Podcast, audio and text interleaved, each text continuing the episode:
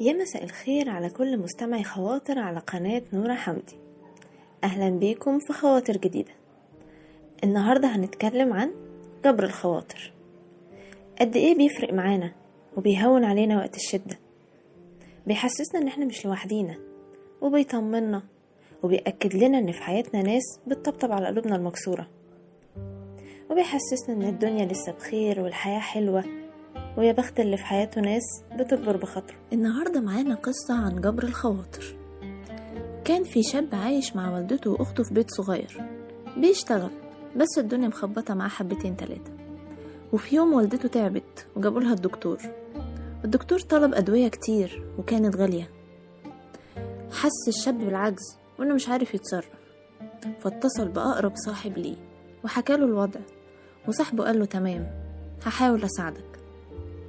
عدت الساعات بس صاحبه ما تصرفش جه يتصل بيه لقى الموبايل مقفول. اتصل بيه مرة واتنين وعشرة بس برضه الموبايل كان مقفول. قال ده صاحبي اتخلى عني وخذلني. نزل في الشارع وعلى وشه انكسار وإحباط رهيب لأنه هو مش عارف يساعد والدته. وفي نفس الوقت صاحبه ما جبرش بخاطره وتخلى عنه. ولما رجع البيت كانت المفاجأة. لقى الدواء جنب والدته. ولما سأل أخته مين جاب الدواء قالت له صاحبك جه وجاب الدواء وساب لك الرسالة دي.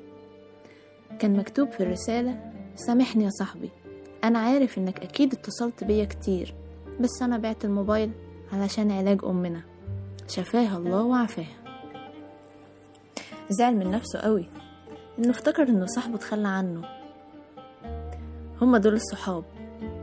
أنا عارفة إن القصة دي فيها معاني كتير زي الصداقة والجدعنة بس هو في الأول وفي الآخر جبر بخاطره. هو ده جبر الخواطر. أنا شايفك في محنة. لو أقدر أساعدك بأي حاجة يبقى بجبر بخاطرك. لو أقدر أفرح قلبك المكسور بحتى لو كانت حاجة بسيطة. هو ده جبر الخواطر.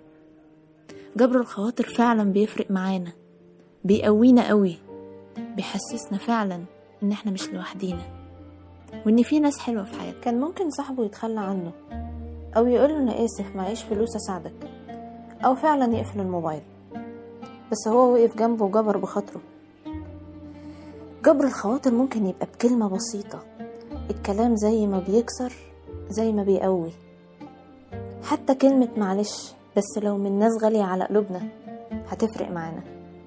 اجبروا بخاطر بعض. هي دي كانت رسالة النهاردة. جبر الخواطر.